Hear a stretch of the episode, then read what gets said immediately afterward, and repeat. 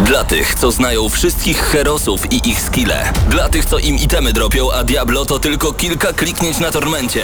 Dla tych, co ściągają heady z AWP w CS-ie. Dla wirtualnych czołgistów. Tych, co potrafią wykręcać kombosy powyżej 70% i juggle takie, że Heihachi, Kunglao, Sagat i Goku byliby dumni. I dla tych, którzy nie mają pojęcia o czym mówię, ale lubią dobrą zabawę. Dla tych, co klikają i tych, co dzierżą pada, co na klawiaturach, joystickach i innych kontrolerach grają w gry wideo. Ta audycja jest dla Ciebie. Gramy na maksa w każdy wtorek o 21.00 tylko w Radiu Free.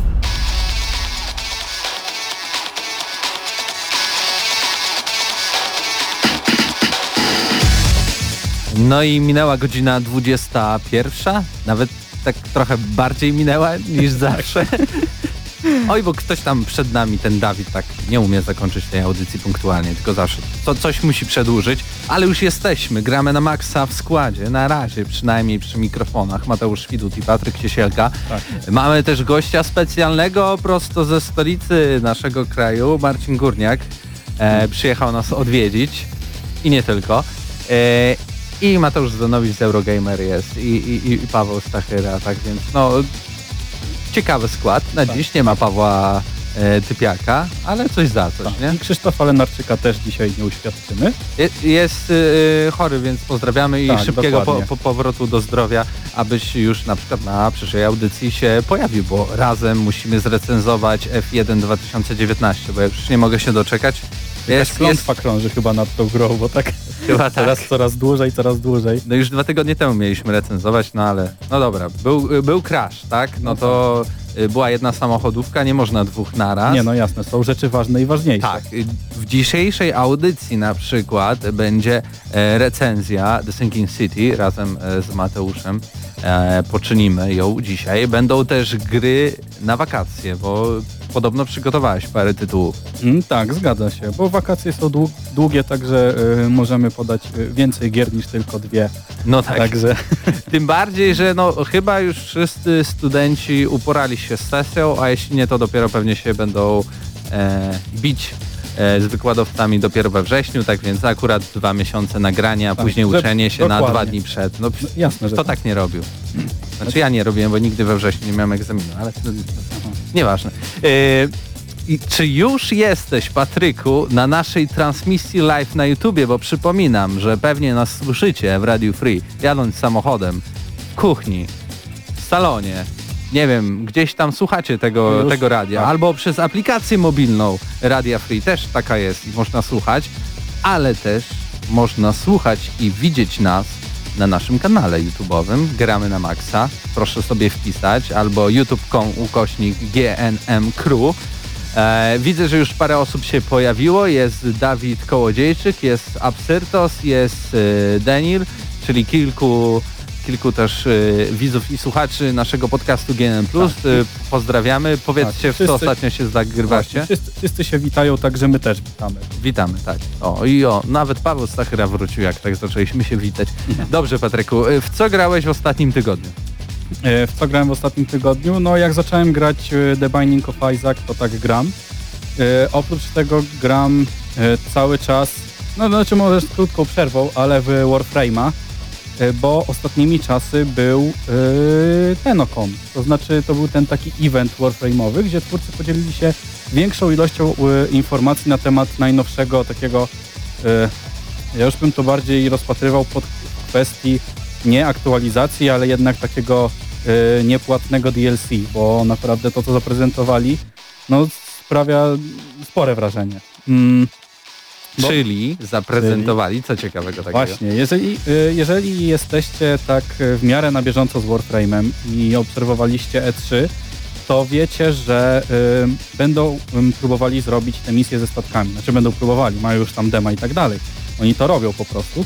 I y, sprowadza się to do tego, że mamy swój własny statek, możemy latać tym statkiem, ulepszać go, możemy wylecieć z tego statku, y, no cuda na kiju, tak? Mieliśmy tam taki taki mniejszy, krótszy fragment rozgrywki. Teraz na tym y, Tenokonie pojawił się taki dłuższy fragment, y, bodajże 45-minutowy rozgrywki, także to już był no, spory wycinek gry, była zrobiona cała jedna misja. i mieliśmy opisany cały, jak będzie wyglądał ten statek i wygląda to tak jakby twórcy dodali mm, kolejną grę w grze. Mniej więcej tak to, do tego to się sprowadza, bo oczywiście no, jak mamy, jak gramy w Warframe'a, mamy ten swój malutki statek i on służy nam tylko do tego, żeby dostosować Warframe'a, żeby coś tam w nim stworzyć i mamy tam swój pokój, gdzie możemy postawiać jakieś tam pierdółki. Czyli jak w Mass Effectie. Dokładnie Na tak. przykład. Tak, dokładnie tak to wygląda I, i do tego on się sprowadza. A teraz będziemy mieli statek y, taki dużo większy, do którego będziemy mogli y, nie dość, że wsadzać jakieś tam nowe rzeczy, ulepszenia, które będziemy zdobywać na misjach, ale będziemy też rekrutować jakąś załogę, która nie będzie złożona tylko i wyłącznie z graczy, ale również z NPC-ów. To jest bardzo ciekawe. Jak w Mass Effectie. Jak w Mass Effectie, tak. I będziemy mogli e, w czasie rzeczywistym normalnie latać tym statkiem na misji z naszą czteroosobową ekipą. I oprócz tego, no, będziemy zdobywać nowe systemy, e, robiąc tam misje i twórcy jeszcze nie wiedzą dokładnie jak to będzie, czy to będzie leciało dla wszystkich, czy tylko dla, tego, dla tej osoby, która jest kapitanem statku. No tego jeszcze nie, nie rozpatrywali, no ale w każdym razie będziemy mieli statek, którym będziemy, robiąc misję, zdobywamy nowe technologie, które będziemy ulepszać. Statek ma e, ograniczoną ilość tak jakby mocy, także nie możemy w nim wszystkiego naraz powłączać. Musimy wybrać, czy na przykład chcemy mieć większą osłonę, chcemy mieć regenerację statku, czy chcemy mieć mocniejsze działo, czy chcemy mieć szybszy statek. Będziemy musieli między, się, będziemy musieli między tym się przełączać. Oprócz tego, co jest bardzo ciekawe, yy, samo załóżmy mm, niszczenie statku, podbijanie statku, bo będzie można statek nie, nie tylko zniszczyć, statek wroga oczywiście, nie tylko zniszczyć, ale będzie można go również przejąć i we dwójkę na jednej mapie będziemy mogli latać y, dwoma statkami. I e, oprócz tego, że zajmiemy ten statek, prawda, Mhm.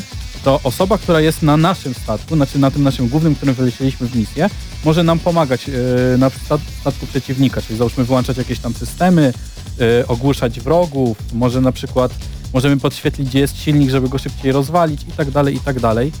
E, wyłączanie... O, przyszedł właśnie się przywitać z nami Marcin Górniak. Nie, to by było zbyt piękne. On po prostu chce ładowarki do telefonu. Aha, Kontynuujmy dobrze. dalej. Tak, także może ten statek nam e, bardzo pomaga w tym e, przejmowaniu statków bądź niszczeniu. I ma on e, nie tylko właśnie taki, taką rolę, że wlatujemy, strzelamy i koniec, bo dochodzi właśnie ten abordaż, gdzie wyskakujemy ze statku. Każda, każda osoba na, stat, na tym statku kapitańskim może z niego wyjść w każdym momencie i sobie latać w Archwingach, które już były wcześniej dodane. Są to takie małe skrzydełka przyczepione do naszego Warframe'a, które nam pozwalają latać w kosmosie. Okej, a co w przypadku, kiedy ktoś nas zaatakuje i przejmie nasz statek? To co wtedy dla nas się Znaczy, dzieje? mi się wydaje, że to po prostu będzie już y, koniec gry, bo jeżeli, jeżeli chodzi o przejmowanie statków, to to będzie y, AI, tak? To nie będą statki y, wrogich graczy, przynajmniej nie planują tego twórcy w tym momencie i po prostu to jest AI, tak? Także no jak AI nas pokona, no to przegrywamy misję, tak mi się wydaje. Y, Nie było to jakoś sprecyzowane, bo jak wiadomo, jak twórcy pokazują coś na takich pokazach, to zawsze wygrywają. No tak. Tak, i tutaj było, niczym to się nie różniło, tak, od takiego zwykłego pokazu. No i pokazali też kawałek, kawałek y, fabularny, który, kawałek fabularny z jakimś zarysem y, nowej mapy, która, która się pojawi. Y, Widać, że to jest jeszcze odległy projekt, bo mieliśmy tylko jakiś tam taki prerendowany filmik, prawda? Tam nie było nic konkretnego. Widać, że były, no, ma, jest ciekawy design tego wszystkiego, ciekawy pomysł na to, zobaczymy jak to wyjdzie. No ale największym, e, największym właśnie e, takim wydarzeniem jest ta, ta, ten statek, tak? I to jak go się ulepsza, jak tam się wszystko robi z nim. I oprócz tego, bo bym zapomniał już prawie, e, mieliśmy, e, możemy też wezwać pomoc, e, załóżmy, innej drużyny. Czyli gramy sobie w czterech na tym statku. Nie możemy pokonać jakiegoś statku przeciwnika, bo ma załóżmy włączoną tarczę. I w tym momencie y, inna drużyna na jakiejś planecie może postawić, to się nazywa, nie wiem, taki czujnik, w sensie, żeby wezwać, y, żeby szukają, czy ktoś potrzebuje pomocy. Jeżeli tam ci potrzebują pomocy, to w tym momencie tak jakby gry się łączą. Znaczy, jed, jedni gracze nie są w grze drugiej, tylko tak jakby działają na tej planecie, na której wcześniej byli. I y, rozbrajają te... Mm, rozbrajają te tarcze tak jakby na tej ziemi. W sensie niszczą tam jakiś sprzęt, pokonują tam wrogów. Ten sposób pomagają tej drugiej drużynie. To jest też spora nowość, bo tego zupełnie nie było. Zawsze było tak, że wchodzi czterech graczy do gry, maksymalnie czterech graczy i koniec. I oni sobie tam grają, sobie tam strzelają i tak dalej, i tak dalej. Yy, No a to jest, to jest ciekawe, ciekawe i to właśnie może się przerodzić też w różne inne rzeczy. Na przykład, no ja mam takie marzenie, nie? jak sobie tak, tak będę gdzieś odlecę wyobraźnią, to y, chciałbym, żeby załóżmy, załóżmy to wyglądało tak, jak mieliśmy w mm, Battlefroncie dwójce. Nie w tym nowym, tylko w tym starym, że jak lecieliśmy statkiem, wylatywaliśmy z atmosfery, to po prostu przeskakiwaliśmy do drugiej mapy, nie? Że, że po prostu to wszystko było płynne i nie działało to na podstawie tego, y, tej mapy systemu, że wybieramy tą misję, lecimy do tej misji, nie? Ale to są, to, to są moje takie takie Bardzo, bardzo odległe marzenia. bardzo chyba. odległe. Nie wiadomo, czy coś takiego w ogóle się wydarzy. Nie A- chciałbym, ale nie wiem, czy będzie. A jeśli chodzi o te aktualizacje, o dodanie tych wszystkich nowych rzeczy, to jak to terminowo wygląda? Oni powiedzieli kiedyś mniej więcej to się pojawi? Czy... Znaczy, oni planowali to robić na, e, na przyszły rok. Dokładnie w tym momencie, nie pamiętam, nie pamiętam, czy, pody, czy podawali e, datę premiery. Jeżeli podawali, to jakoś się bardzo im nie chwalili. Tak, to podejrzewam, że może to, to e, trochę się oddalić w czasie. E, ale wydaje mi się, że jakoś albo pod koniec tego roku, tak jak to zazwyczaj jest, nie? Albo pod koniec tego roku, albo jakoś w przyszłym. Nie chcę kłamać, bo nie jestem pewny, czy podawali datę. E, no ale po prostu czekam, nie? Czekam, czekam jak to się rozwinie i, i, i, co, i co, co z tego wyniknie, jak to będzie wyglądać w rzeczywistości, a nie tylko na, e, na demo, które prezentowali twórcy. No bo Podejrzewam, że jakby podali datę, to ty jako taki wielki fan dawno byś ją zapamiętał, tak więc pewnie musimy i tak trochę Właśnie- uzbroić się w cierpliwość, tak, żeby... bo nie jestem, nie jestem zobaczyć te pewny, nowe nie? bo rzeczy. nie chcę tutaj nakłamać ludziom, ale, e, ale wydaje mi się, że nie było jeszcze tej daty. Nie było. No dobrze, no to to były takie twoje y, mał, mała relacja z tena, Tenaconu, tak? Tenokon. Tenokonu, Tenokonu, tak. Zobaczymy co nowego w Warframe'ach. E, a przed nami News Shot, czyli stały segment Audycji Gram na Maxa. Bartłomiej Nowak przygotował. E, do tego potrzebuję e, Paweł Stachyra, zapraszam i również Marcin Górniak, zapraszam. Razem we trójkę dzisiaj poczynimy ten News Shot, a zanim to zrobimy, to trochę muzyki, tym razem z Rage'a 2. Gramy na maksa.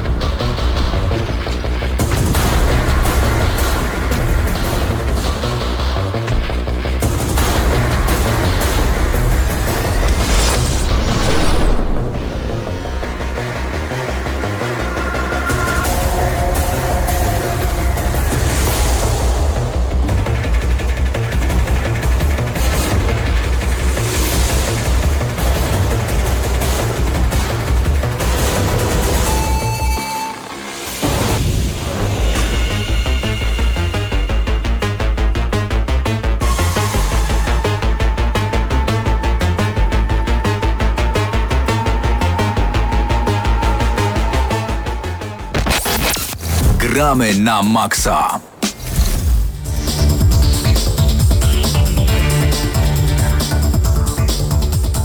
No i wracamy do Gramy na Maxa po dawce muzyki z Rage'a 2. E, razem ze mną w studiu w końcu jest Paweł Stachyra i też Marcin Górniak. Witamy. Dobry wieczór. Dzień dobry, dobry wieczór. No, jak tam się czujesz na, na antenie radia? No dawno mnie tutaj nie było, muszę powiedzieć, że się nawet trochę za wami panowie stęskniłem. E, no Nawet i trochę. Trochę, nawet trochę, no było za bardzo to wiecie, to za dużo to niezdrowo. No dobrze. A propos Rage'a 2, bo właśnie puściłeś. e, Ostatnio dowiedziałem się w ogóle, bo tak e, w czasie E3 chyba ktoś mi uświadomił, że ta gra w ogóle wyszła. Tak. I tak pograłem sobie troszeczkę. E, chyba nie mówiłem o tym na audycji. Powiem ci, że to nie był zły FPS, w sensie pod względem strzelania. Bardzo przyjemnie mi się... Co innego E, mówiłeś na GNM+. Nie, nie, na GNM Plus powiedziałem dokładnie to samo. Świetnie mi się strzelało, Ale ogólnie gra ale nie. wszystko inne w tej grze jest tak nudne, tak sztampowe, tak powtarzalne. E, Czyli dobra kontynuacja Rage'a jedynki, Jedynki, bo- no, który no. był właśnie dokładnie różnicą, taki. Z tą różnicą, że tutaj e, tekstury się przynajmniej wczytują, jak się obracasz. Bo tam nie wiem, czy pamiętasz, jak śmiesznie tam ten poprzedni silnik wyglądał, ale w momencie, kiedy próbowałeś się obrócić w jednym miejscu, to za tobą były wszystko takie płaskie, znaczy takie, wiesz, rozmazane obiekty. bo Przypominały trochę Borderlands. bo to było big y, texture, coś tam, coś tam, jakaś technologia. A pamiętam, że głównie chyba problem miały z tym karty graficzne AMD Radeon, a te GeForce jako tako Ja właśnie sobie miałem GeForce'a radziły. i, i mi to samo się działo, więc nie jestem pewien, może tak było. E, Może nie, Ale tobie. wydaje mi się, że nie. No dobra, przechodzimy do News Shota. Nie wiem, czy wiesz, Marcinie, co to jest w ogóle za stały fragment w audycji Grałem na Max, to ale po prostu... Nazwa coś ci podpowie. Domyślam się, że jest taki stały fragment, w którym po prostu opowiadacie o newsach, e, czyli o tym, co zdarzyło się w minionym tygodniu, a nawet dzisiaj. Brawo, 100 punktów Jak dla stolicy. w radiu. Dobra, zaczynamy. Y, oczywiście klasycznie News Shota przygotował Bartłomiej Nowak. Y, I pierwszy news. Dyrektor kreatywny The Elder Scrolls Online, Rich Lambert, przyznał w rozmowie z WCC Te- WCCF Tech, że od dłuższego czasu myślą nad wprowadzeniem rozgrywki międzyplatformowej oraz międzyplatformowego zapisu. Obecne zmiany na rynku, które przetarł e, szlak crossplayowi mogą umożliwić tę opcję sieciowej odsłonie starszych zwojów. Bardzo ciekawe przetłumaczona nazwa gry. Lambert dodał również, że mają już zaplanowane najbliższe aktualizacje do TESO i nie obejmują one wprowadzenia funkcji w najbliższym czasie. Nie no, to, to że mają zaplanowane Czyli myślimy, ale jeszcze wiemy nie. Z3. No oczywiście, bo to wiesz, Z, Z3 wiemy, że na razie będą wprowadzać nowe regiony, pojawią się smoki, co tam, jest no, fajnie, że się pojawią smoki, ale gdybyś był na widowni Bethesdy w czasie E3, to z całą pewnością wstałbyś i tak, yeah, smoki! No, ale, ale pomijając już ten bardzo e, upokarzający fragment E3 w tym roku, Żenujące. żenując, o to jest O, lepsze to, słowo, to jest zdecydowanie. piękne słowo. To jest to tak. Ten, szukałem tego polskiego cringe'u tutaj. E, tak, ten żenujący fragment, jeżeli pomijemy, to, to no fajnie się zapowiadają te, te, te patche, ale powiem Ci szczerze, że nie wiem jak... W sumie MMO, jeżeli już coś ma być multiplatformowe, to rzeczywiście chyba MMO, bo to nie jest znowu taki gatunek, który wymaga tam jakoś bardzo...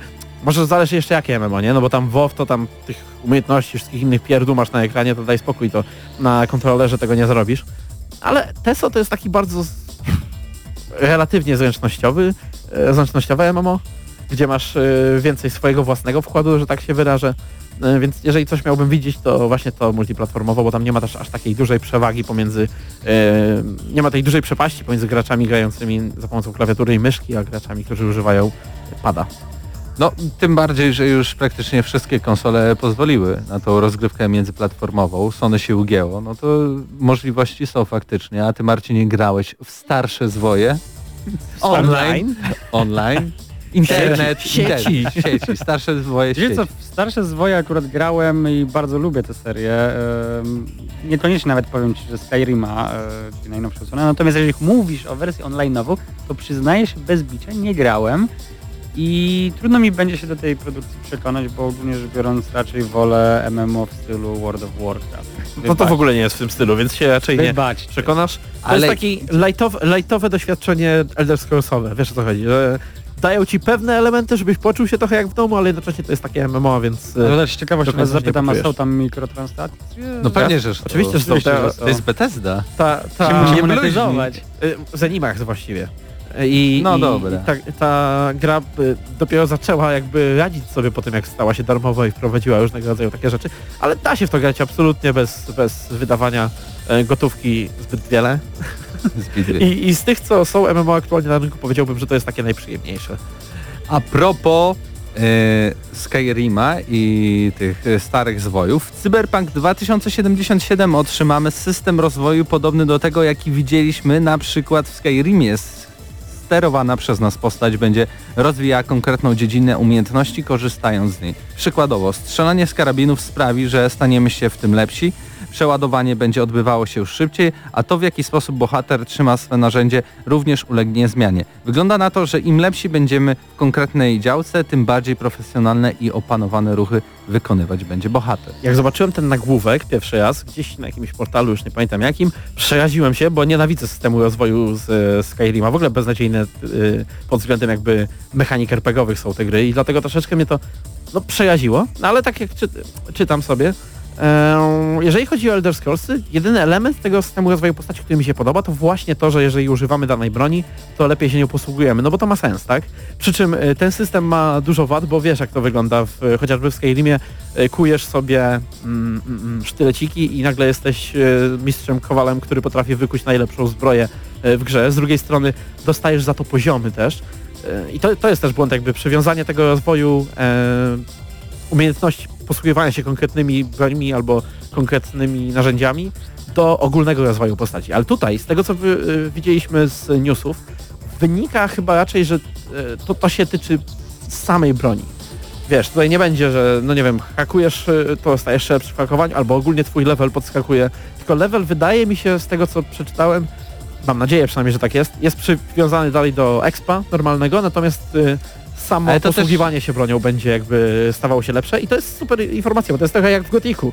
Masz lepsze, lepsze animacje, jak lepiej walczysz. No ale niekoniecznie muszą być tutaj levele, po prostu stajesz się lepszy, masz więcej punktów Znaczy danej i tak umiejętności. Miał, chyba. No nie, no, Ale powiedzieli, że to będzie wyglądało w formie właśnie leveli, takiego Nie. przyznawania leveli, będzie Nie.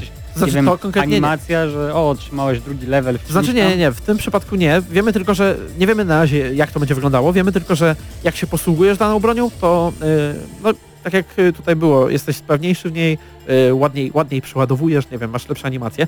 Przy czym nie wymieniono żadnej innej umiejętności poza walką, więc mówię, liczę, że to się tylko ograniczy do walki, bo wtedy to jest fajnie. To jest, to jest ciekawy element. ale w Deus Exie to miałeś, Ale nie? wiecie, wiecie Tak. co, ale zwróciłem tutaj uwagę na jedno, co powiedział Paweł, że akurat w Elder Scrollsach trochę dziwnie wygląda ten poziom levelowania i to jest takie... Mm, ale myślę, że tutaj Redzi mogą zrobić to dobrze. W sensie, że wezmą ten element, który jest logiczny, bo on faktycznie tak powinien funkcjonować. W sensie, jeżeli coś robimy bardzo często, to stajemy się lepsi. Na przykład ja, jak gram często w FIFA, powinienem być lepszy, nie zawsze mi to wychodzi.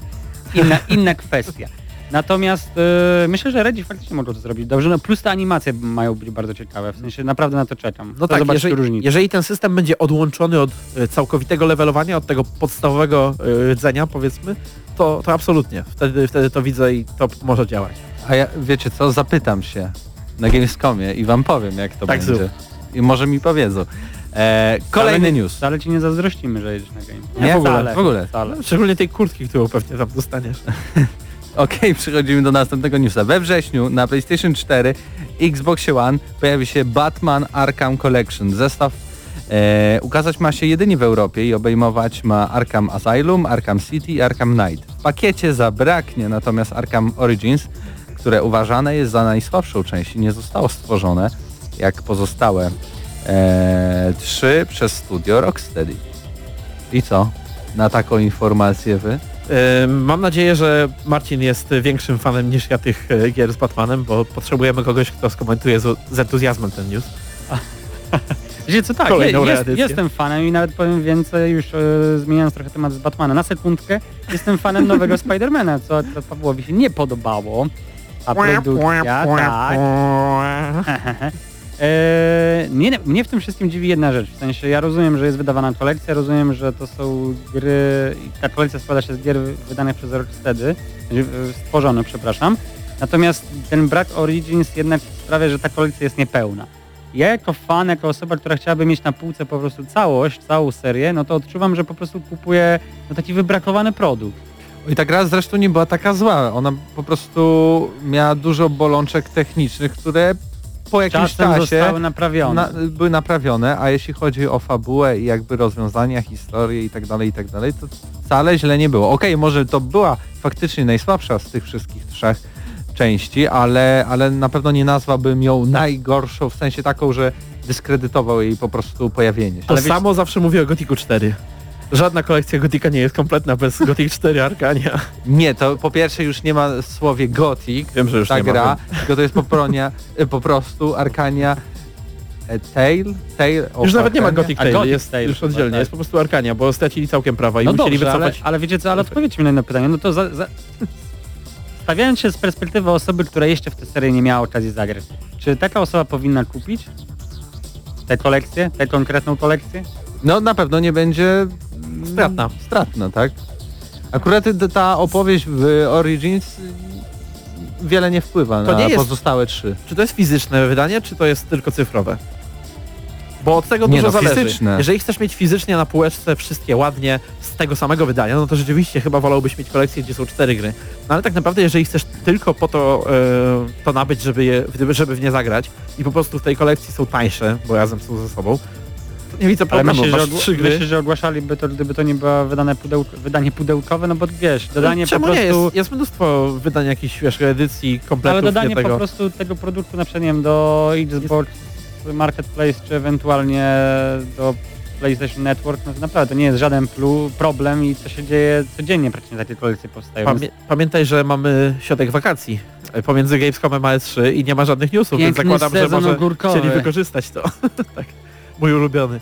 W takim razie coś bardziej kontrowersyjnego, Uuu. jeśli chodzi o kolejną wiadomość. Jeden z przedstawicieli wydawnictwa Tiny Build, które wydało m.in. takie gry, o których pierwszy raz słyszę, Pathologic 2 To bardzo oraz pierwszy raz słyszę. Świetna gra. Hello Neighbor, to o dobra, o tej to słyszałem. Stwierdził, że ich gry dostępne za pośrednictwem polskiego GOGA nie będą aktualizowane. Powodem porzucenia wsparcia jest brak zabezpieczeń DRM, które przedstawiciel uważa za duże ułatwienie dla piratów. Dość szybko do tej informacji odwołał się szef Tiny Build Alex Nicipocznik. Nie wiem, tak się może go czyta. nazwisko. Pocznik. No, tak mi się wydaje. E, Przeprosił on za wypowiedź pracownika i dodał, że jego oświadczenie nie reprezentuje stanowiska samego wydawnictwa. E, zapewnił, że opóźnienia aktualizacji dla gogowych wersji wynikają z powodów technicznych, tego, że różnią się od steamowych wydań. No i kto teraz ma rację? Wydaje mi się, że jednak pracownik. No tutaj Nie, jest... nie szef, tylko szef tak ratuje. A, no, no, oczywiście, w sensie podejrzewam, że... Bo to jest, to jest taki trudny temat, tak jak gadaliśmy troszeczkę na plusie, właśnie tutaj zareklamujemy może plusika, bo tam mieliśmy o G2A bardzo dużo e, powiedziane o tej Mieliśmy. sytuacji, o tej kontrowersji. Natomiast e, tam ustaliliśmy też, że gadanie o piractwie jest takim ciężkim tematem, bo ludzie, ludzie nie lubią, kiedy się im wypomina, że piracą, nawet jeżeli piracą, albo e, wiesz o co mi chodzi, że nawet jeżeli nie są piratami, to się oburzają, że, że oskarża się ludzi o piractwo i tak dalej. Dlatego e, uderzać w Goga, ponieważ nie ma tam DRM-ów, które mają tą bardzo złą sławę i nie bez powodów, bo nie, nie bez powodu, bo często e, wpływają na performance danej gry. To jest, to jest tak... E, nie da się tego zrobić tak, żeby nie dostać ostro PR-owo po, po głowie i na przykład po sprzed w sprzedaży. Szczególnie jeżeli jest się indyczym małym studiem, które gdzieś tam, no, no to, nie, to nie jest wielki wydawca, tak? Pathologic 2, świetna gierka, polecam, ale to mimo wszystko jest bardzo, bardzo niszowy tytuł. A, a GOG jest na tej pozycji, GOG jak i cały ten projekt, oni mają, oni lubią tą pozycję tego przyjaznego dewelopera, tej przyjaznej platformy i oni jakby z, z tej pozycji ciężko, ciężko ich zaatakować tak naprawdę, albo przynajmniej im wypomnieć cokolwiek, bo brak DRM-ów na pewno jakoś może boleć niektórych e, wyda mniejszych wydawców, szczególnie właśnie w przypadku takich gier singlowych, które mogą, które bardziej są piracone, tak, niż e, multi, które generalnie myślę, że, się, że bo- powinni umożliwić sprzedaż kluczy do gier. To by było łatwiej ich trochę oskarżyć. GOG 2A. GOG 2A, tak. E, może o tym na koniec jeszcze wspomnimy, e, a, a propos tego GOGa. E, kolejny news. Dowody na to, że Red Dead Redemption 2 może ukazać się na PC wypływają od dłuższego czasu. W e, kodzie źródłowym aplikacji Rockstar Social Club odnaleziono linijkę RDR PC, Accomplishments, które odnosi się do systemu osiągnięć dla komputerowej wersji Rockstarowego Westernu. Piąta odsłona GTA ukazała się na PC-tach rok po premierze konsolowych edycji. Fani zakładają, że podobnie może być najnowszą gwiazdą, e, grą Gwiazdy Rocka. E, Wydaje mi się, że dwa lata, ale też mogę się mylić, bo GTA 5 to chyba 2013, 2013, a 15 rok była premiera na PC na kwiecień. a 14 na nowe konsole. Bo to jakoś tak było podzielone. No. Ale Rockstar ma ogólnie taki system Ale oni mówili, że nie wydadzą, koniec, kropka. No nie, Nie, nie wspominali, że nie wydadzą. Nie- Wspomnieli, że nie ma teraz, że na premierę nie będzie tego. A potem już nie było żadnych słów. Właściwie to było prawie od początku mówione, że tak ja się kiedyś tam pojawi, bo zawsze mieliśmy te, wiesz, rozmowy zakulisowe, wycieki, jakieś pierdółki i tak dalej. Ale z Red Dead Redemption pierwszym też były jakieś linki w kodzie źródłowym, Ale tam to tutaj właśnie, tam to bardziej na takie stronie internetowej. Tam to wyszukiwanie coś. resztek było, a tutaj mamy rzeczywiście od, od, od wielu miesięcy bardzo dużo gadania, bardzo dużo jakichś takich e, bardziej wiarygodnych przeciwów, chociażby właśnie ta rozmowa, mówię sam z, e, nie z E3, tylko z Gamescomu zdaje się, e, gdzieś tam podsłuchano, jak ktoś opowiada e, o, o RDR-ze na PC z, z Rockstarowych. No generalnie nie wątpię, że to się pojawi, przy czym tak szczerze ci powiem, nie czuję się jakiś taki nachajpowany, No właśnie, dlaczego graliście- wszyscy chcą tą 2? grę na PC-cie? No bo jest fajna, znaczy w sensie, wiesz, to, to jest dalej gra od Rockstara, nie? To, to jest y, taki... To jest prawie taki symbol e, statusu y, platformy. Co, myślę, że tutaj też bardziej chodzi o to, że PC-towcy po prostu nie dostali pierwszego RDR-a i to jest taki nie, niezdobyty, nieosiągnięty graal, do którego dążą, że my po prostu chcemy to mieć. To nieważne, czy, czy chcemy w to zagrać, bo mnóstwo gier e, wychodzi na pewne platformy i oczywiście nie mamy czasu w nie zagrać, no bo nie mamy możliwości, czasu, chęci, pieniędzy i tak dalej. A tu, no, po prostu chcieliby, żeby wyszedł i tyle, no, koniec. To jest O, wiem kiedy będzie wspaniały na to. Ekskluzyw na Epika. Nie, to będzie, e, e, wyjdzie RDR 2 remaster na PlayStation 5 nowego Xboxa i później po roku dopiero wydadzą na PC. Zobaczycie, tak będzie. Czyli y, RDR 2 na PC 2021 rok. Na jesieni. Usłyszeliście to tutaj, jako Tutaj, pierwsi. jakby co, można wpływy na konto do mnie. Za- za- Zapraszam. I tym w zasadzie byśmy kończyli, ale jeszcze chciałeś chyba wspomnieć O tym o tym G2A, G2A, tak, tak? bo tutaj widzę jeszcze tak czas akurat. No recenzję mamy takie dwie, dwie minutki jeszcze wolne. No to co z tym G2A? Co z tym G2A? Jest wiel, wielka aferka, słyszałeś Marcin? Słyszałem, słyszałem, ale możecie lekko przypomnieć. W sensie znam mniej więcej temat, ale możecie G2A, zahaczyć. G2A, podobnie jak Kingwin i parę innych takich platform, to są, to są e, sklepy, w których można handlować kluczami do gier. E, rzecz w tym, że one, s- że jakby sprzedawcy nie są za bardzo weryfikowani. Co więcej, e, nierzadko e, zdarza się, że mamy tam do czynienia z takimi przekrętami typu właśnie ktoś sprzedaje klucze, e, powiedzmy albo gry zdobyte za pomocą kradzionych kart i tak dalej.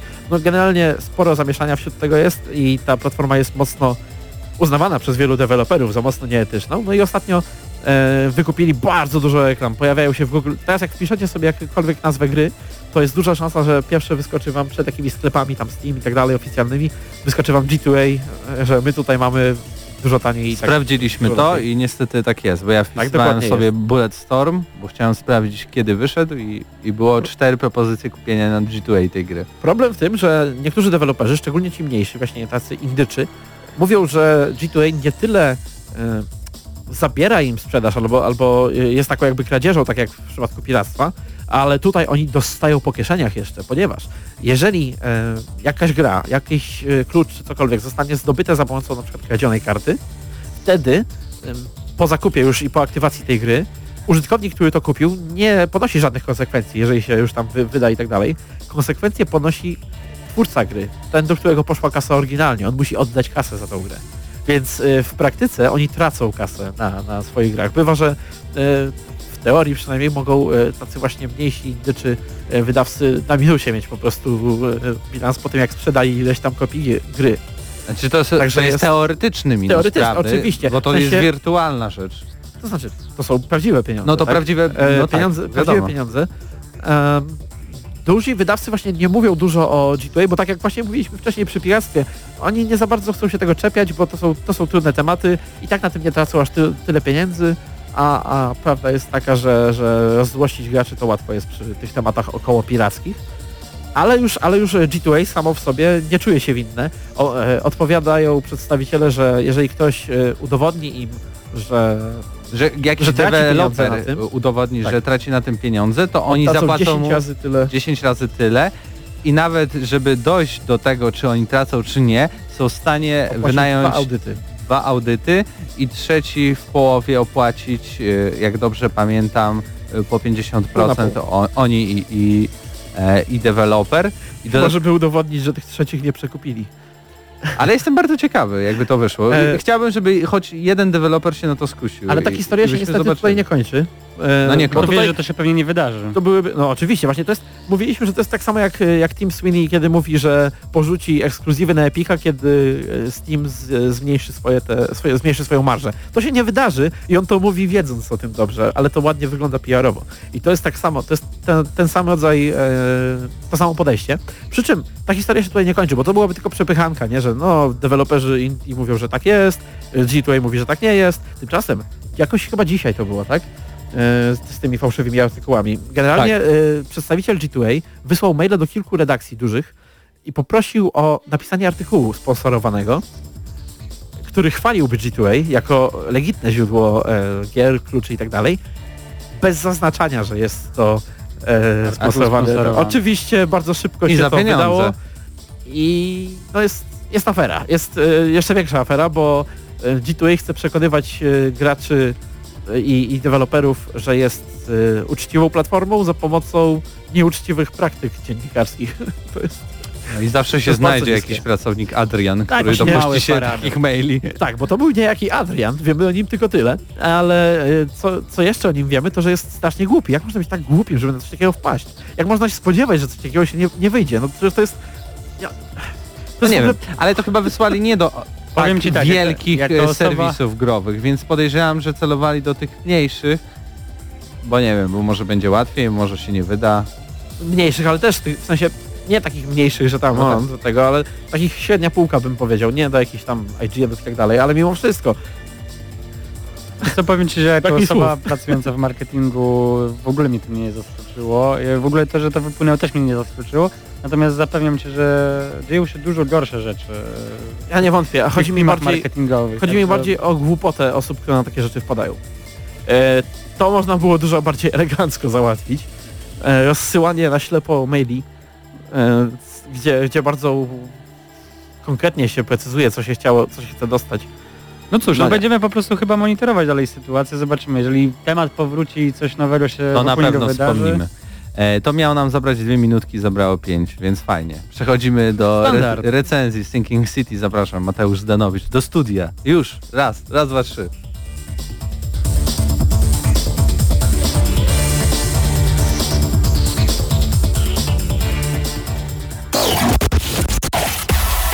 Gramy na maksa.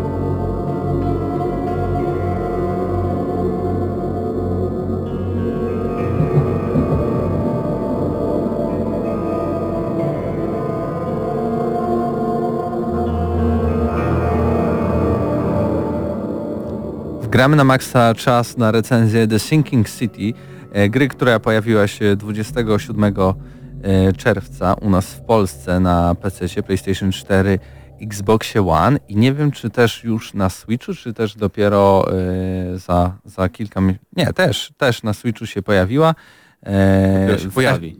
W e-shopie, tak. W listopadzie, bo przez chwilę miałem jeszcze datę dobrą, że to było 27 czerwca. Ale już może mniejsza z tym producentem Frogwares, e, wydawcą Big Ben Interactive w Polsce i tu dziękujemy od razu CDP.pl wydawcy za dostarczenie kopii do recenzji. Gra z polskimi napisami, e, jeśli chodzi o e, voiceover cały po angielsku. No i Mateuszu, to jest, tak? To jest, jak powiedziałeś, gra studia Frogwares i możecie je kojarzyć, jeżeli lubicie Sherlocka Holmesa, bo oni robili ostatnio e, gry właśnie o, o Holmesie. To te, I- te moje ulubione gry? E, te, te, nie wiem, bo to, nie wiem, czy to samo studio robiło te wszystkie od samego początku, ale te ostatnie na pewno robili oni. I na przykład e, The Devil's Daughter było całkiem przyjemną, taką przygodową, współczesną można powiedzieć e, produkcją, więc spodziewałem się, że jakby mm, The Sneaking City będzie miał podobny poziom. I trochę tak jest, a trochę tak nie jest, nie? bo to jest e, dyskusyjna gra, o czym zresztą będziemy dyskutować teraz właśnie. Bardzo dyskusyjna, ponieważ e, może zaczniemy tak trochę niestandardowo, bo od końca, czyli od, od op- oprawy graficznej może. Bo z jednej strony on- jest ona bardzo imponująca, jeśli chodzi o jakieś efekty świetlne, e, dym i całkiem fajnie wykreowany cały świat, bardzo w taki, no to, to na podstawie powieści Lovecrafta, ale to, No. to, to, to, to wszystko tutaj czuć, nie? Wszystko trzyma, ma ręce i nogi, ale z drugiej strony mamy też takie elementy jak na przykład modele postaci, gdzie na przykład e, osoby czarnoskóre mają jeden model twarzy i mają tylko wymienne ubrania, nie? I, a z- podobnie jest też z innymi, tylko tutaj jest to najbardziej skrajne, bo jest tylko jeden. Ale jeśli chodzi o kobiety czy coś, to są na przykład dwie, dwie, dwa różne modele No, i na tym się kończy. Ewidentnie tak widać powtarzalność modeli postaci niezależnych i też e, z tym związany jest fakt, znaczy ogólnie z postaciami, które mijamy w mieście, bo to ogólnie jest otwarte miasto, mamy od samego początku dostęp do praktycznie każdej dzielnicy, tam z małymi wyjątkami. E, no i na porządku dziennym mamy coś takiego, że jakaś postać spada z nieba, tam zacinają się dwie postacie w sobie nawzajem i jest takie lekkie niedopracowanie techniczne, techniczne widocz- widoczne od początku. I sama oprawa graficzna jakoś mnie nie zachwyciła ani razu, ale właśnie ta jakby oprawa pod względem artystycznym, tego, tego zamysłu całego i zrealizowania wizji artystycznej e, jest już naprawdę niezła i fajnie oddaje klimat na pewno Lovecraftowski. E, Bo nawet mimo, że to miasto jest raczej takie ogólnie monotonne kolorystycznie, to i tak mamy różne dzielnice, które faktycznie różnią się architekturą, tam wyglądem i mamy takie totalne slumsy, mamy taką jedną dzielnicę, troszeczkę taki Nowy Jork z lat, z lat 30. nawet mi się kojarzyło, chociaż ona jest bardzo mała oczywiście. E, I ogólnie to miasto też mi się podoba, że jest taką trochę Wenecją jakby, y, No pseudo. tak, bo się bo- poruszamy łódką, prawda? Tutaj też twój e, błąd, e, znaczy błąd twórców, na który zazwyczaj zwracasz uwagę, że nie ma animacji wchodzenia na łódkę. No, nie? to Tylko właśnie takie- podchodzimy i nagle jesteśmy w łódce i nią e, kierujemy. No i faktycznie ona ułatwia tą podróż, chociaż też często można po prostu przejść niektóre elementy, Mhm. tyle że właśnie to chodzenie, przynajmniej na samym początku jest bardzo ir- irytujące, bo tam później e, odkrywamy jakąś tam sz- szybką podróż, ale nadal E, szczególnie jeśli chodzi o rozwiązywanie po prostu spraw i tych zagadek, kiedy brakuje nam jakiegoś dowodu i musimy szukać go po kolei w miejscach, w których już byliśmy, ale na przykład przeoczyliśmy i to bieganie po tym mieście sprawia, że ta gra jest po prostu irytująca momentami. No bywa tak, to, to I, prawda. I, I niektóre misje, które powinny trwać dla nas 15 minut, przez to, że się gdzieś zagubiliśmy, trwają nawet godzinę, półtora i, i, naprawdę nie chce się pewnym momencie już dalej grać w Więc City City. Tak, na pewno trzeba być bardzo, bardzo uważnym i to jest tak, że jeżeli przeszukujemy jakiś dom powiedzmy e, i wydaje nam się, że znaleźliśmy już wszystko i chcemy wracać tam powiedzmy do zleceniodawcy, czy na komendę, czy gdziekolwiek, e, to musimy się upewnić na 100%, że ikonka e, na mapie na tym domu jest zielona, tak? Bo jeżeli nie jest zielona, to znaczy, że jakiś przedmiot i jakiś jeden dowód przeoczyliśmy. Jeżeli dopiero się zorientujemy, wiesz, jak już przejdziemy kawałek miasta, to potem się musimy cofać albo właśnie korzystać z szybkiej podróży, która, ja w ogóle myślałem przez chyba 10 godzin, że ta gra nie ma szybkiej podróży, bo, bo w ogóle to nie jest wytłumaczone, tylko się okazuje, że potem tam w budkach telefonicznych, prawda, widzimy taką mapkę, możemy sobie wybierać niektóre punkty, więc to też nie jest dobrze wyjaśnione, ale faktycznie odczuwamy, że trochę za dużo jest tego chodzenia. To jest, to jest fakt. Ale no to jednak jesteśmy detektywem i faktycznie musimy być uważni, to jakby pasuje do naszej roli i no. No właśnie, bo jesteśmy detektywem, no i co jest z tym związane? W ogóle trafiliśmy do miasta Oakmont, które znajduje się w stanie Massachusetts, e, dlatego że nachodzą nas jakieś tajemnicze sny, które nie Mm. wiemy co znaczą. E, a okazuje się, że w tym mieście jest osoba, która może nam pomóc. Ale oczywiście pierwsze co, gdy wchodzimy do tego miasta, przywita nas jakiś... Ta osoba tam co niby ma nam pomóc Tak. i potem nara i nie widzimy przez połowę gry tak naprawdę, bo I, I od razu ktoś się nas szczepia. A, bo ty jesteś, kim ty jesteś? Detektywem? To ja ci coś powiem, ale ty w ogóle zrób dla mnie y, misję, bo mój syn gdzieś zniknął i w ogóle. Tak, tak. I, Też to się łączy oczywiście No tak, tak. potem wszystko z, z, na- z naszym jakby z naszą osobistą motywacją, ale jako, że jesteśmy detektywem i twórcy chcieli wprowadzić ten element właśnie detektywistyczny do gry, e, no to mamy też misje związane nie tylko z, z tymi naszymi wizjami e, tajemniczymi, mrocznymi, tylko też właśnie z, z taką pracą typowo stricte pracą detektywa i to jest akurat e, chyba najlepszy element gry. To znaczy, że nie jesteśmy prowadzeni na rękę. Oczywiście są opcje poziomu trudności do wyboru, że sobie, możemy sobie zaznaczać ile mamy wskazówek, ile robimy na własną rękę. I, ale nawet jak zaznaczymy tam wszystkie te ułatwienia, to, to i tak musimy faktycznie sami przeszukiwać na przykład bazy danych, kartoteki policyjne, czy tam e, listę pacjentów w szpitalu i tak dalej, i tak dalej, dopasowywać to do wskazówek, które mamy z questów, więc ten element mi się podobał na pewno. Em, troszkę może rozczarowujący, byłoby trochę lepiej, gdyby na przykład rozmowy z postaciami były trochę bardziej rozbudowane, bo jednak detektyw też no, em, dużo informacji zdobywa w ten sposób, a tutaj z wieloma postaciami y, tak naprawdę albo rozmawiamy bardzo mało, albo w ogóle nie możemy rozmawiać. Widzimy, że stoi jakiś świadek, mamy z nim jeden dialog i on się kończy i później już w ogóle nie możemy z nim rozmawiać, tylko coś do nas mówi, jak na niego klikamy, więc troszkę mi tego brakowało do takiego pełnego doświadczenia detektywistycznego. Mm, A samo przeszukiwanie miejsca zbrodni jest e, takie standardowe, powiedziałbym, gdyby nie ten fakt, że mamy też ten aspekt przenikania jakby do innego wymiaru. Nie wiem jak to nazwać, no w każdym razie widzimy, możemy odtwarzać przeszłość. I to mi się kojarzyło trochę z tą grą Murdered Śledztwo z zagrobu, taka była polska nazwa, gdzie też trochę tam widzi- widzi- widzieliśmy, co się działo w przyszłości, nie?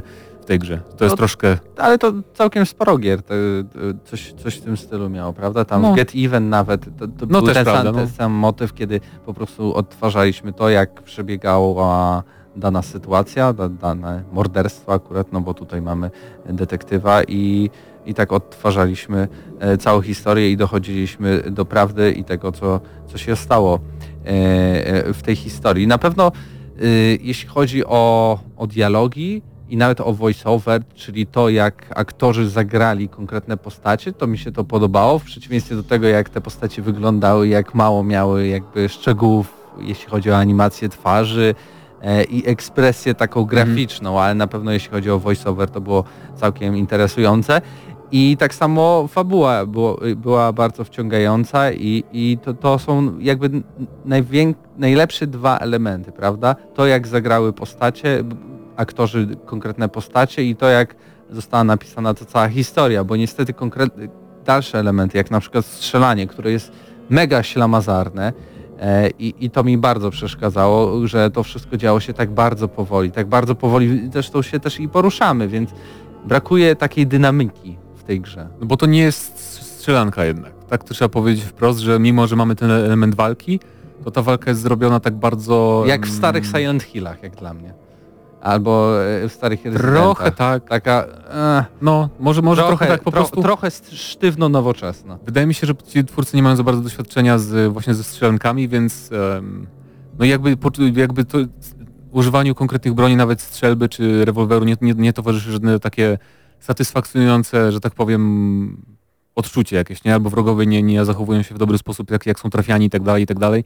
Więc to nie jest dobra strzelanka na pewno. Walka wręcz też jest taka bardzo sztywna i dziwna. Ale na szczęście walkę często można omijać, nawet jak tam mamy jakiś dom wypełniony potworami, to um, możemy tam wbiec po prostu, zabrać jakiś dowód i uciec, y, chociaż oczywiście też zdobywamy doświadczenie, więc zupełnie omijane, zupełne omijanie walki nie jest jakby opłacalne, ale no to jest fakt, że to nie jest dobra strona tej gry na pewno. E, natomiast sama historia mogłaby się, jest dobra, to fakt i ma też całkiem satysfakcjonujący koniec i możemy też w paru momentach dokonywać takich wyborów też w naszych śledztwach, które trochę wpływają na odbiór y, naszego bohatera i wydarzeń u różnych postaci, ale nie wiem, może dlatego, że ja bardzo dużo grałem, ja grałem chyba praktycznie w każdą grę inspirowaną uniwersum czy tam mitologią Lovecrafta em, mam już za sobą, więc to też nie robi już takiego wrażenia i możesz, jak już znasz to uniwersum, jak znasz jakby gry inspirowane właśnie Lovecraftem, To to już znasz pewne schematy, tak, które to się już wiesz, co się wydarzy mniej więcej i to też, e, więc bardziej chyba bym wbrew pozorom polecał tę grę e, Call fa- of Cthulhu. fanom, e, nie o to mi chodzi, że bardziej bym polecał fanom jakby gier detektywistycznych, którzy nie do końca są super ultra fanami Lovecrafta, nie? Bo już będziecie za dużo wiedzieć i trochę będziecie mogli przewidzieć, co się wydarzy. To już twoje podsumowanie jest? No chyba tak, chyba tak. Jeszcze może chciałem wspomnieć o, chociaż nie będę już dobijał takimi technicznymi rzeczami, bo to jest w sumie taki miły błąd, że jak wracałem do budynków, to się odnawiały zapasy, które tam były za każdym razem, więc crafting dla mnie w ogóle nie stanowił problemu, bo o, skończyła mi się amunicja, dobra, to wejdę do tego domu 10 razy pod rząd, uzupełnią się z, jakieś tam skrzynie, które już przeszukałem i spoko, mogę sobie od początku wykraftować cały po prostu plecak e, amunicji. To takie do, dosyć zabawne, może to już zostało poprawione, bo grałem przedpremierową wersję. Ale ogólnie miasto też mi się podobało na pewno. Historia na plus, mimo tego, że faktycznie jak już znamy Lovecrafta, to przewidzimy sporo tutaj elementów i zwrotów akcji. I też podobało mi się te misje poboczne, że jak tam trafiamy na początku do hotelu naszego głównego, to dostajemy, po prostu znajdujemy stos papierów, zapisków e, mieszkańców tego hotelu i na podstawie tych zapisków po prostu możemy sobie znaleźć te misje, jeżeli chcemy, więc to jest taka fajna rzecz dla ludzi, którzy nie chcą właśnie ikonek na mapie, tylko sami szukać różnych takich mini misji, powiedzmy wydarzeń, eventów e, w świecie. E, Ale mimo wszystko sam gameplay taki trochę sztywnawy i mm, zadania poboczne, mimo że fajnie się je odnajduje, to niekoniecznie były oryginalne jakieś i rozbudowane. I właśnie walka niestety była taką bardziej przykrą koniecznością niż przyjemnością i ze względu na to, mimo że ten aspekt detek- detektywistyczny jest spoko, em, to dla mnie to jest taka gra na 6 czy 7, więc chyba 6,5 będzie takim dobrym pomiędzy. No to muszę się z tobą zgodzić, bo też chciałem wy, wystawić tej grze 6,5. Na pewno w ostatnim czasie też, o czym właśnie chciałem ci wtrącić, e, pojawiła się inna gra, znaczy w ostatnim rok W temu. ubiegłym roku. E, Call of Cthulhu, która też jest w świecie Lovecrafta i tak dalej. Jest to gra dużo bardziej liniowa, nie z otwartym światem, z konkretnymi lokaliz- lokalizacjami i, i, i mapami, lokac- lokacjami, ale to była na pewno dużo lepsza gra, jeśli chodzi o całość, o, nie było tam aż tak dużo błędów, była ta cała rozgrywka bardziej taka zwarta, szybsza troszeczkę, mimo No. to, że to i tak była też gra trochę, gdzie byliśmy detektywem, tylko I też była taka technicznie Tak. niezbyt, nie, to prawda, ale moim zdaniem też największy błąd The Sinking City to jest ten otw- otwarty świat, bo on jakby Nie jest potrzebny. nic nie wnosi, nie, do tej gry i jasne, fajnie jest odszukiwać te tam tajemnicze miejsca z jakichś notatek, ale na, na dłuższą metę to tak naprawdę nie jest, ten świat nie jest aż tak angażujący, żeby, żeby całą grę w tym umieścić i trochę traci na tym fabuła. Tak, to był dobry pomysł, by tak podejść do gry, jeśli ma się duże środki tak naprawdę, a tutaj Mhm. widać, że to po prostu przytłoczyło twórców, ale mimo wszystko, gdyby znalazł się ktoś, jakiś wydawca, który mógłby wyłożyć więcej pieniędzy, to na pewno e, producenci z Frogwares e, zrobią kapitalną kolejną produkcję The Sinking City 2. Jeśli tak by się stało, z chęcią bym zagrał. E, niestety jeśli chodzi o, o tutaj Sinking City po prostu jedynkę, nazwijmy to tak, e, raczej nie rekomendowałbym o kupna jej w tym momencie. No Może myślę, na że po, jakieś... myślę tak, myślę, że jak trochę spadnie cena, y, to jest taki zakup, to jest taka gra idealna do kupienia na jakiejś, na jakiejś wyprzedaży czy promocji tam za połowę ceny powiedzmy, to już będzie takie bezpieczne i będziecie mogli sami sprawdzić, bo dla klimatu i dla historii warto. Tak, zdecydowanie. E, tak więc no, ode mnie też e, 6,5 i dziękujemy CDP.pl e, za dostarczenie e, kodu do recenzji. To było Gramy na Maxa.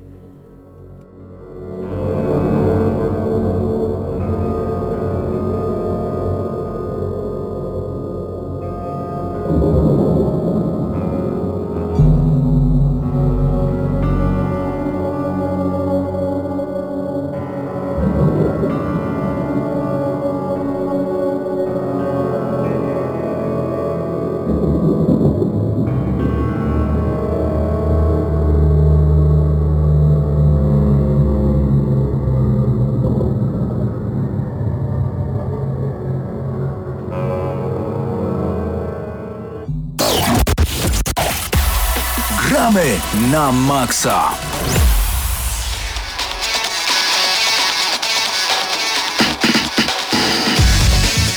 Patrz jakie zakończenie audycji. Takim Cudowne. utworem, którym zaczynaliśmy. To jest ten utwór, czekaj, dawno go nie było, dawno nie słyszałem. Jin Kazamas. Tak. Te Tekken w naszych sercach zawsze gra i w audycji gram na Maxa też. Bo audycja to nasze serca, które wykładamy dla was co tydzień we wtorek. Właśnie, a, a 21. propos bijatek, może mi się uda za tydzień powiedzieć coś o Samurai Showdown, ale gram jako jedyny z tej redakcji. Chociaż nie, Paweł chyba też ogrywa, którego dziś nie ma, więc mo- może nam się uda. No i F1, mam nadzieję, że to F1 się uda. też i, i zrecenzować albo troszeczkę więcej powiedzieć. No, minęła godzina 22, tak więc no już musimy kończyć naszą audycję. E, na pewno w przyszłym tygodniu większa ekipa, może więcej, a na pewno więcej rzeczy do recenzji. Może 10 pytań? Może 10 pytań, może jakiś konkursik, także zapraszamy. Subskrybujcie nasz kanał na YouTubie też. E, jutro lub pojutrze pojawi się nowy GNM+, podcast nasz jest dostępny na Spotify, iTunes, na Anchorze, tak więc do wyboru, do koloru, w zależności co tam lubicie. Jesteśmy już wszędzie, tak. Tak, już, tak. Jeszcze z lodówki musimy wyskoczyć jak Skyrim i będzie idealnie. No dobrze, no ale to e ekipą dzisiaj byliśmy Mateusz Zdanowicz, tak, e był e Paweł Stachyra, był Marcin Górniak, był Patryk Ciesielka. Nie wspomniałem na początku, ale naszą audycję, jeśli chodzi o wideo i to wszystko, co dzieje się e, na YouTubie, tutaj tworzył, obsługiwał i był mistrzem YouTube'owym Bartek Matla i ja byłem tym takim tu klikającym różne rzeczy, Tak. Mateusz Widut. Tak więc no, w przyszłym tygodniu zapewne też się słyszymy. E, mam nadzieję, że nikogo nie zabraknie, was też, tak więc no dobrej nocy, cześć czołem, do usłyszenia. Dla tych, co znają wszystkich herosów i ich skille. Dla tych, co im itemy dropią, a Diablo to tylko kilka kliknięć na tormencie. Dla tych, co ściągają heady z AWP w CS-ie. Dla wirtualnych czołgistów. Tych, co potrafią wykręcać kombosy powyżej 70% i juggle takie, że Heihachi, Kunglao, Sagat i Goku byliby dumni. I dla tych, którzy nie mają pojęcia o czym mówię, ale lubią dobrą zabawę. Dla tych, co klikają i tych, co dzierżą pada, co na klawiaturach, joystickach i innych kontrolerach grają w gry wideo. Ta audycja jest dla Ciebie. Gramy na maksa w każdy wtorek o 21.00 tylko w Radiu Free.